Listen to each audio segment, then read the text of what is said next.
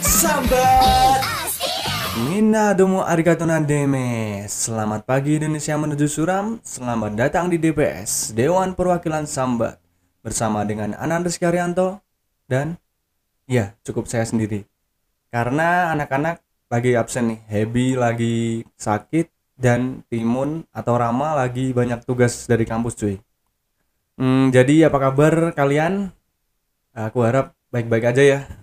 Cukup aku aja sih yang nggak baik-baik. Hehehe oke jadi ada beberapa topik yang udah aku pilih dan aku tulis. Cuman pada akhirnya aku kurang ada feel di situ. Terus aku mau ngangkat topik kali ini di episode 5 berdasarkan egoku semata sih. Aku punya keresahan terhadap masa kecilku remaja sampai dewasa Cerita ini dimulai dari kekagumanku terhadap seorang gadis dengan tingkah lucunya, tingkah bodohnya, dan kenekatannya dalam menjalani sebuah hidup di masa remaja. Bella adalah seorang gadis kecil yang tinggal di kota es bersama neneknya dan bersekolah di sebelah rumah neneknya. Bella punya senyum yang manis, uh, kulit yang putih, rambut orange, dan ramah kepada siapa pun yang ada di dekatnya.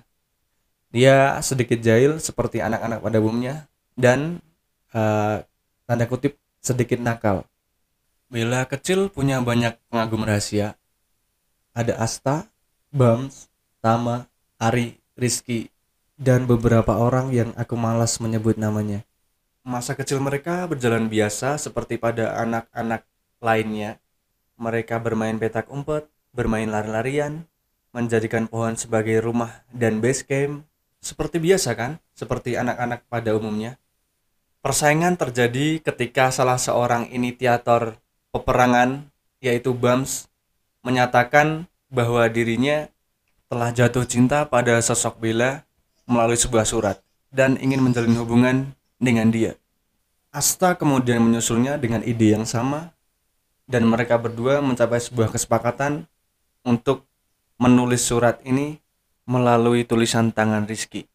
Bam dan Asta adalah sosok yang memberani, karena di umur mereka yang masih belia, mereka mampu untuk mengutarakan kekaguman mereka terhadap sosok gadis yang mereka kagumi. Setelah pertemanan mereka mulai sedikit melebar, karena bukan cuma mereka berdua yang memiliki perasaan yang sama. Mereka masih sering bermain bersama setelah pulang sekolah di tempat yang mereka anggap sebagai rumah pohon dan base camp dari mereka. Pohon yang mereka jadikan sebagai base camp tidak begitu tinggi dan juga tidak begitu pendek. Kalau dilihat, pohon itu punya banyak sekali kertas di rantingnya yang bertuliskan tangan dan banyak sekali gambar-gambar ala-ala masa kecil. Anak-anak yang sudah tergabung di dalam base camp itu mengajak beberapa anak lain untuk bergabung ke dalamnya ada Pamungkas, ada Ika, dan ada anak-anak lainnya. Bam, Pamungkas, sering sekali menyuruh Rizky untuk menggambar dan menulis untuk dijadikan hiasan di pohon tersebut. Entah apa yang mereka harapkan dari karya seorang anak kecil yang bisa menggambar pemandangan, gunung, hutan sawah, bahkan Spider-Man yang mukanya abstrak dan tidak simetris. Lalu beberapa anak mulai meninggalkan tongkrongan mereka. Hal ini mungkin ada sangkut pautnya dengan surat cinta mereka yang sudah dibalas oleh Bella. Ternyata keduanya mengalami penolakan yang sama. Dan sejak kejadian itu, tidak ada lagi surat yang diselipkan di laci Bella. Malah ada beberapa anak perempuan lain yang mendapat surat dari lawan jenisnya Walaupun akhirnya sama aja sih, mereka juga mengalami penolakan cuy. Oh iya, aku belum bercerita tentang Bams. Bams adalah sosok yang dianggap keren pada masa-masa kecil mereka. Karena dia mempunyai kepercayaan diri yang tinggi. Walaupun dengan face yang pas-pasan sih, tapi dia termasuk orang yang keren. Karena dia mengetahui seluk-beluk SmackDown dan sering menonton SmackDown pada waktu itu. Dan tentu saja sering mempraktekkannya di sekolah dan Asta. Asta adalah sosok kedua yang berani mengungkapkan perasaannya kepada Bella. Dan Asta ini mempunyai sosok yang putih, eh, tidak terlalu tinggi, dan face yang tampan. Mereka berdua punya tokoh favorit di SmackDown, yaitu Rey Mysterio, dengan topeng kerennya itu. Oh iya, mereka juga kedatangan beberapa teman-teman baru. Ada yang dari Jakarta, namanya Saleh, dan juga ada Bila yang datang dari Jepang. Ada beberapa nama lain seperti Vina dari Manado dan Minus dari Papua. Ya, begitulah seperti masa-masa sekolah pada umumnya kan. Ya, dan kita kembali lagi ke konflik perpecahan dan celah persahabatan mereka. Kalau kamu berekspektasi bahwa perpecahan ini menimbulkan drama-drama seperti sinetron, kamu salah. Enggak. Ini enggak akan sesuai dengan ekspektasimu. Gak ada yang namanya perkelahian. Gak ada yang namanya baku hantam. Cuman ada yang namanya mencoba miras. Jadi setelah mencoba miras, ide-ide gila mereka mulai keluar. Mereka ingin menculik Bila dan mungkin ingin memperkosanya. Dan stop kalau kamu berpikiran bahwa ide ini, ide gila ini akan terrealisasi. Karena nyatanya itu cuma omongan belaka. Waktu pun berlalu dan masa kecil mereka disudutkan oleh yang namanya kelulusan. Kenakalan-kenakalan masa kecil yang mulai tumbuh pun mulai diarahkan lagi oleh guru pembimbingnya. Rambut mereka yang mulai dicat, kemudian mulai dihitamkan lagi. Dan Bella yang identik dengan rambut orange-nya dituntut untuk menghitamkan rambutnya kembali. Dan hari-hari mereka dihabiskan untuk berlatih tes dan ujian. Hari kelulusan pun tiba dan mereka menyanyikan lagu himne guru yang cukup sendu. Dan masa kecil mereka pun terpisah karena dipisahkan oleh sekolah-sekolah yang mereka tentukan setelah kelulusan. Ada beberapa perasaan dan mungkin banyak sekali perasaan yang belum tersampaikan. Dan ini untuk Bella. Pesan dari seseorang bernama Rizky. Aku adalah seorang pecundang yang cengeng. Aku tidak berani mengungkapkan kekagumanku terhadapmu.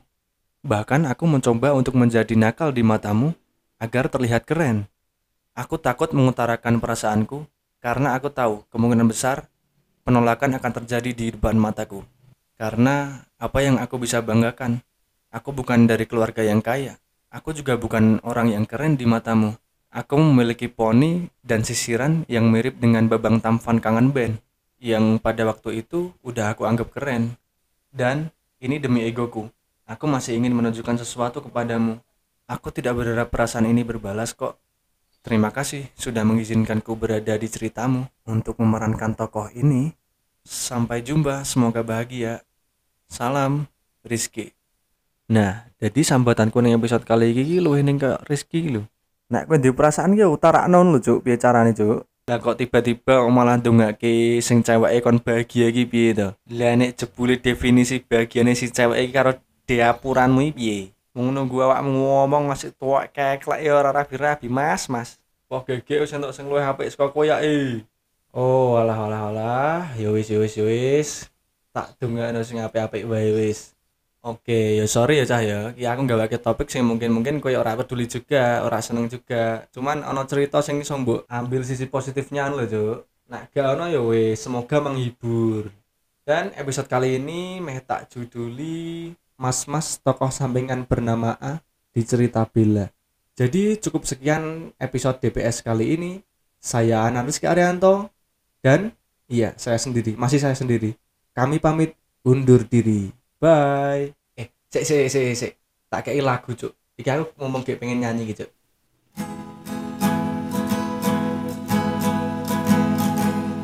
Feel very sad, like. I hate you, hate you, hate you, but I was just kidding myself. Our every moment, I start to replace.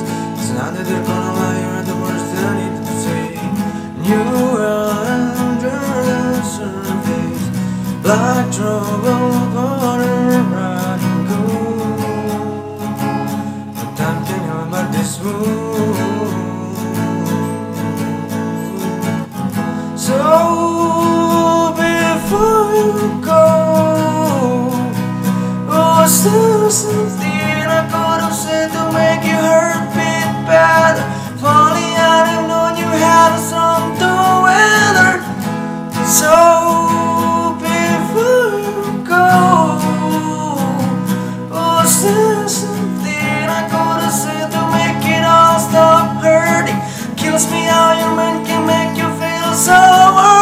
soul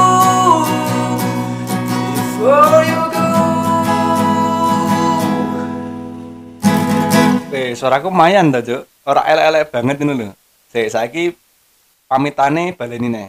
Kami pamit undur diri. Bye.